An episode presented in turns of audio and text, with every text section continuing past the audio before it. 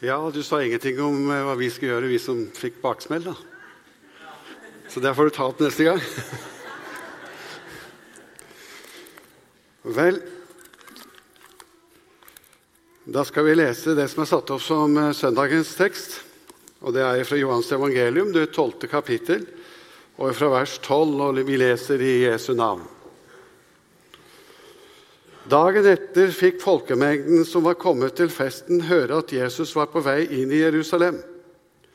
Da tok de palmegreiner og gikk ut for å møte ham, og de spurte, og de ropte, Hosianna, velsignet er Han som kommer i Herrens navn, Israels konge. Jesus fant et esel og satte seg opp på det, slik det står skrevet. Vær ikke redd, datter Sion. Se, din konge kommer ridende på en es eselfole. Dette skjønte ikke disiplene med det samme, men da Jesus var blitt herliggjort, husket de at dette sto skrevet om ham, og at folket hadde hilst ham slik. Alle de som hadde vært til stede da han kalte Lasarus ut av graven og vekket han opp fra de døde, vitnet om det. Det var også derfor folk dro ut for å møte ham fordi de fikk høre at han hadde gjort dette tegnet. Fariseerne sa da til hverandre Der, der ser det ingenting som nytter.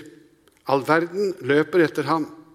Det var noen grekere blant dem som var kommet for å tilbe under høytiden. De, fikk, de gikk til Philip, som var fra Bet-Saida i Galilea, og sa, 'Herre, vi vil gjerne se Jesus.' Philip gikk og fortalte det til Andreas, og sammen gikk de og sa til Jesus. Jesus svarte, 'Timen er kommet da menneskesønnen skal bli herliggjort.' Sannelig, sannelig, sier dere, hvis ikke hvetekornet faller i jorden og dør, blir det bare det ene kornet, men hvis det dør, bærer det rik frukt. Slik lyder Herrens ord.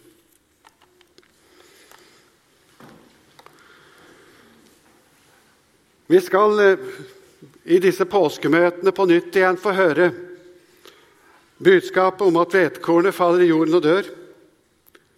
Og på den måten så vil det også bære rik frukt. Lasarus var kalt ut av graven. De hadde fest i Betania, en underlig fest som det vises til i teksten som vi har lest sammen. Tenk her var søstrene og Lasarus. Martha vartet opp. Hun var ivrig i tjenesten. Var nesten lik hos Synnøve Spanne, tenker jeg, når hun ordnet opp de forskjellige ting. Velsignet er alle de som ordner det rent praktiske, legger til rette slik at vi kan ha fest for Jesus. Maria salvet Jesus. Dette var forberedelsen til det som nå skulle skje. Men det var ikke alle som var like begeistret for dette. At Jesus fikk slik oppmerksomhet og slik makt. Yppersteprestene og de skriftlærde de la planer om å drepe Jesus. Og Judas han syntes at det ble sløst altfor mye på Jesus. Vi går altså imot påsken, hvor det ble gjort tidenes justismord. Men dette var en plan ifra tidenes morgen. Guds plan. Nå skulle verdens fyrste dømmes. Mange ønsket Jesus som konge. Tenk deg en slik god og smart tanke å få en konge som kunne mette 5000 på en gang, bare med noen få fisker og litt brød. Det er jo helt fantastisk å kunne ha en konge som også kunne vekke opp døde til liv igjen. Hvis vi hadde hatt en slik regjering eller en slik konge, så hadde vi spart masse både i matbudsjett og helsebudsjett. Men her viser Jesus at hans kongerike ikke er som andre kongeriker. Jødene skjønte ikke at han var konge, fordi han opptrådde ikke som en konge. Han la ikke under seg eiendom. Han søkte ikke verslig makt. Han kom ridende på et esel. Hans inntredelse i denne verden var helt annerledes enn andre konger i andre riker. Andre konger de legger under seg eiendom. De har verslig makt, de kommer ridende på hester eller sitter i flotte vogner. De bor i fine slott. Men som Jesus sa til en skriftlærere som ville følge han, revene har hi, og himmelens fugler har rede, men menneskesønnen har ikke noe han kan hvile hodet på. Guds rike er et annerledes rike. Det er andre lover, det er andre prinsipp. I Guds rike der er det ikke forskjell på jøde eller greker, trell eller fri, kvinne eller mann, men vi er alle ett i Kristus. Det som var lite, det som var svakt, det utvalgte Gud seg for å gjøre det vise til skamme. Nåden er for syndere, for dem som ikke fikk det til. I dag kan det kanskje være vanskelig å forstå dette. Og vi merker at enkelte ganger så brukes de kristelige uttrykk også inn i en mer politisk sammenheng. Men det er jo dypest sett ikke bare de kristne som har rett på uttrykk som nåde, fred og rettferdighet.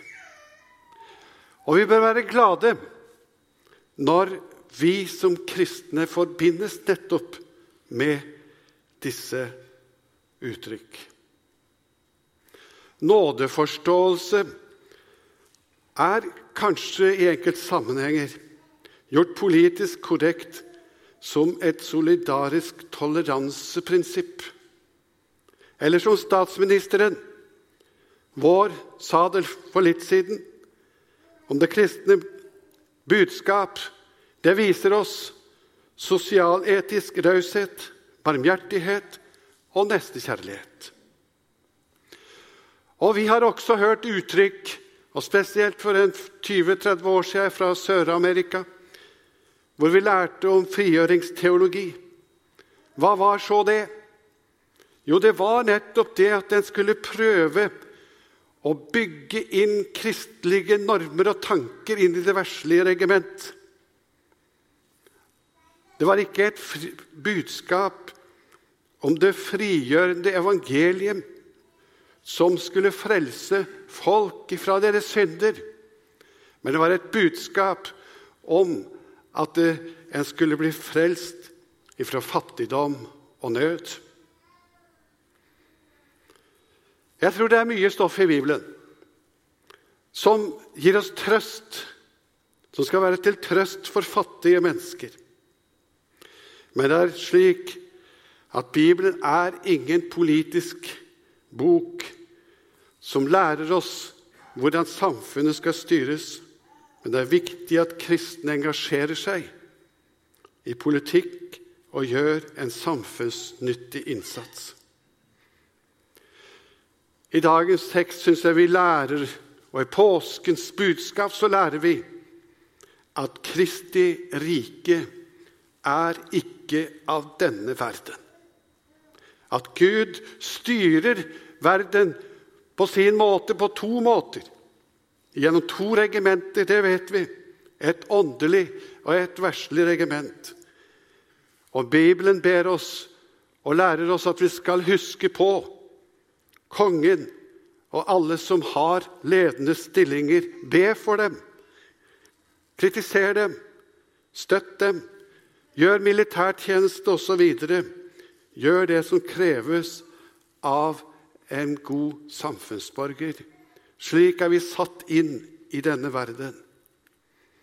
Men Kirken, menigheten, Guds folk, de har fått et middel, et budskap, som de er de eneste som kan formidle og forvalte. Og det budskapet er det som kommer fram i påsken. Det er budskapet som heter evangeliet. Det forvalter evangeliet, budskapet om Kristi død, om hans oppstandelse, og de forvalter sakramentene slik at mennesker, enten de er politiske undertrykte, eller om de er fattige eller rike, uansett så skal de få lov til å nås med dette budskapet. Jeg syns det er godt å lese teksten i dag fra Filippenserbrevet. Han var i Guds skikkelse og så det ikke som et rov å være Gud lik, men ga avkall på sitt eget, tok på seg en tjeners skikkelse og ble menneskelik. Da han sto opp som menneske, sto fram som menneske, fornedret han seg selv og ble lydig til døden, ja, døden på korset. Derfor har Gud høyt opphøyet ham til det høyeste og gitt ham navnet over alle navn. I Jesu navn skal derfor hvert kne bøye seg i himmelen, på jorden og under jorden, og hver tunge skal bekjenne at Jesus Kristus er Herre til Gud Faders ære. Palmesøndag og påsken lærer oss at vår konge hadde ikke en krone som var pyntet med edelstener. En, en gullkrone pyntet med edelstener, men en tornekrone. Hans konges, kongsstol var et kors. Og slik vil også hans etterfølgere i denne verden måtte dele hans kår. Like før vi gikk til gudstjenesten, også hørte vi hvordan en kirke i Egypt opplevde at en bombe ble sprengt og mange ble drept. Det er litt av de kår som Kristi etterfølgere har i denne verden. Når Jesus gikk denne veien som vi hører om i påskens budskap, så gjorde han det for oss. Han tok altså en tjenerskikkelse på seg. Og det får de høre mye om i dagene som kommer. I En dag så skal dette riket bli synliggjort for oss alle. Det kan være utfordrende for oss som Guds folk å leve i denne virkelighet. Vi vil gjerne at alt skal være stort, vakkert og sterkt. Vi vil gjerne at alt skal liksom se så mektig ut. Det å være ett med det som ingenting er. Det å være en del av denne kirke som ser så unnselig ut på mange vis, så ringe ut, det er ikke alltid like enkelt. Men det er det vi er kalt til. Og Jeg hørte en historie om en russisk tsar. Han hadde et oppriktig ønske om å bli kjent med folket i byen som byene som han besøkte. Men det var ikke så enkelt for denne tsaren. Hver gang han skulle på visitt, så var det laga til så mye stas. Det var bare en del av byens overklasse han møtte. Og han så på en måte bare det som var positivt og godt i den byen. Han ville gjerne ha mer kjennskap, dypere kjennskap til folket. Og så klekte han ut en idé. Han kledde seg fattig. Han kledde seg som en tigger og gikk inn i byen. Han banket på, dør etter dør, og spurte om han kunne få husrom og litt mat. Ingen hadde plass til denne fattige. Bortsett fra i utkanten av byen. Der bodde det en fattig enke med mange barn i ei hytte. Hun forbarmet seg over denne tiggeren. Og historien kunne ha stoppa der. Men en tid seinere skulle tsaren på et offentlig besøk i byen. Da søkte mange av byens borgere om å få, besøke, å få besøk av denne tsaren, for det var stor ære å ha han i hus. Men da sa han, 'Jeg vet hvor jeg skal bo.' 'Jeg kjenner en enke i utkanten av byen.'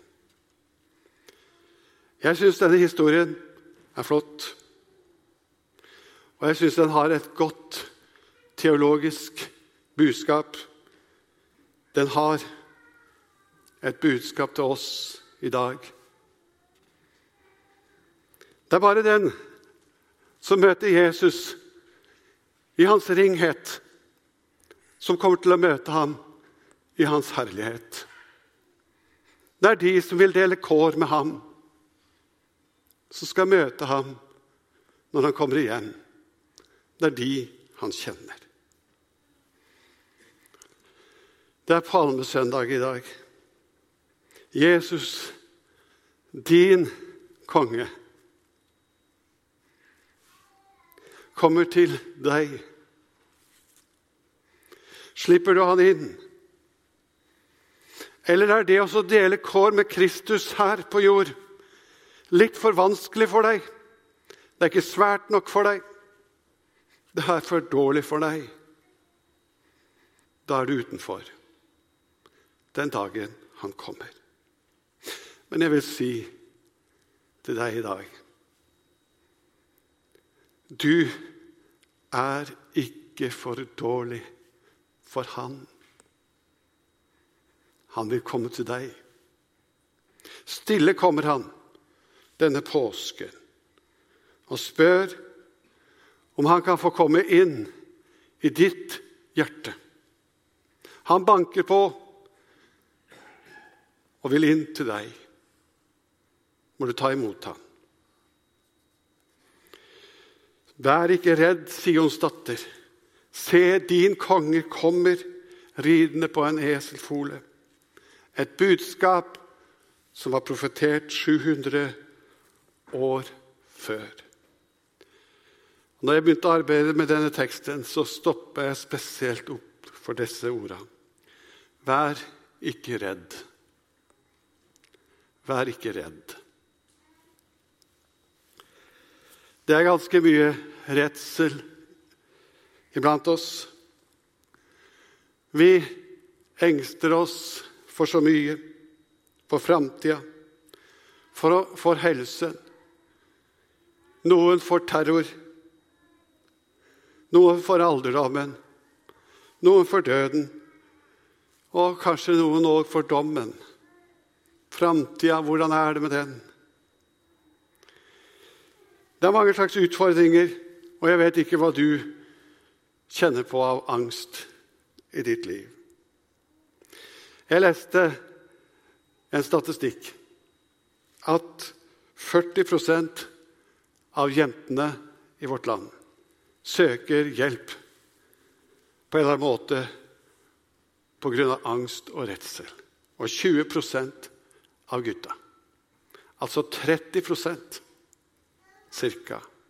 av Norges befolkning i det rikeste og mest trygge sted i verden, kjenner på disse smertene i sitt liv. Det kan være mange årsaker til dette. Og vi som menighet, vi skal ikke ta lett på det, på de utfordringene. Og vi oppfordrer folk som sliter, til å søke faglig hjelp. Vi vil ikke framstille oss sjøl på en slik måte at det kan misforstås dit hen at bare det å komme til misjonssalen, til menigheten vår, så er alle problemer løst. Vi er også fremstå på en slik måte som vi ville ekskludere alle som har noe de sliter med. Nei, hos oss er alle velkomne. Uansett hva du sliter med. Men vi vil ikke si at vi som kirke kan løse alle problemer, men vi vil være der for deg og hjelpe deg og støtte deg. Og vi ønsker i enda større grad Jeg ønsker iallfall det, og jeg tror jeg har alle med meg på at vi ønsker å være åpne om at det går an. Og det er ikke så uvanlig. Nei, det er relativt vanlig å slite med ting i sitt liv. Vi ønsker å si det, og vi ønsker å være åpne om det. Og Når jeg leser om dette, så leser jeg også at enkelte psykiatere sier at Kjell Magne Bondevik, etter at han var åpen om sitt liv og det han sleit med, så var det mange andre som turte å åpne seg og komme og få hjelp. Og det var en som skrev 'Derfor er vi Han stor takk skyldig'.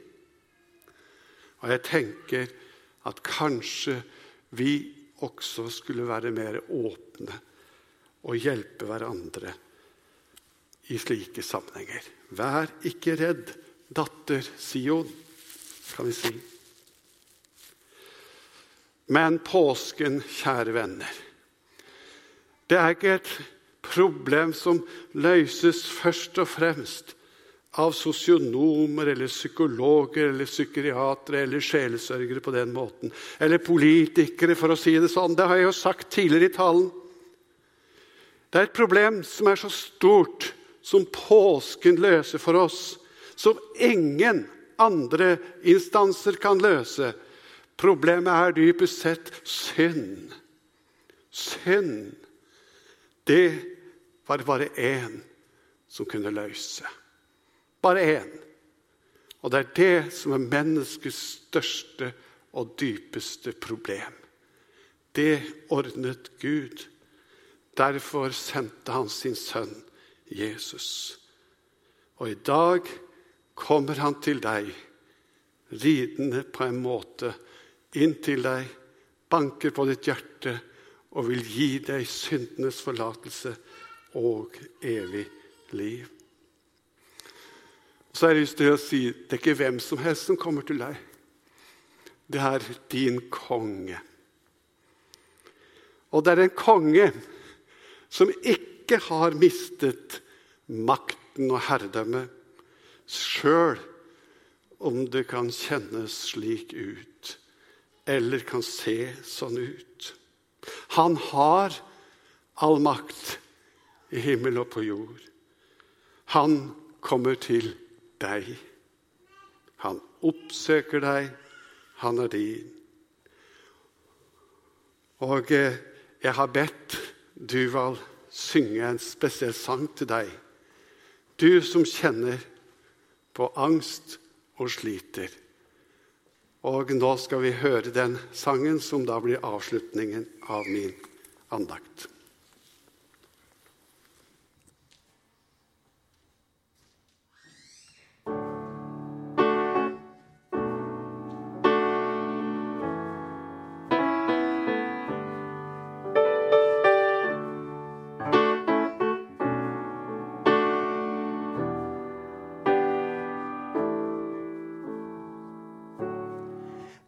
Angstede hjerte opp av din smerte.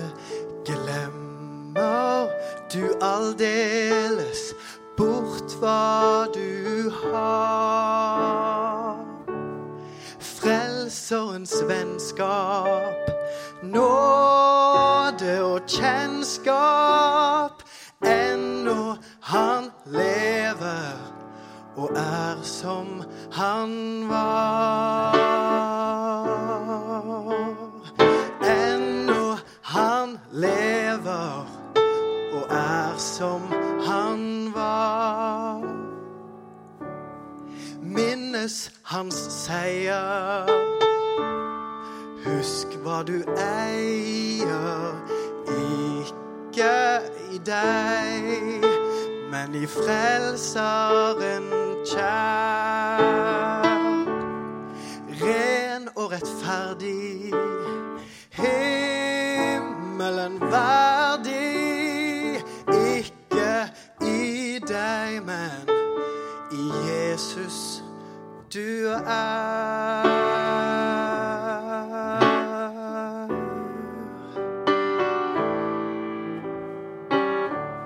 Synden deg plager,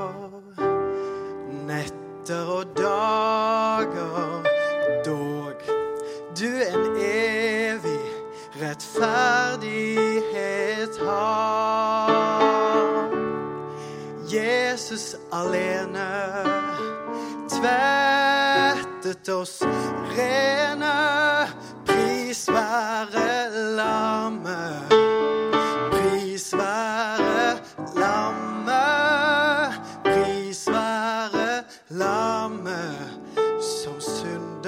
da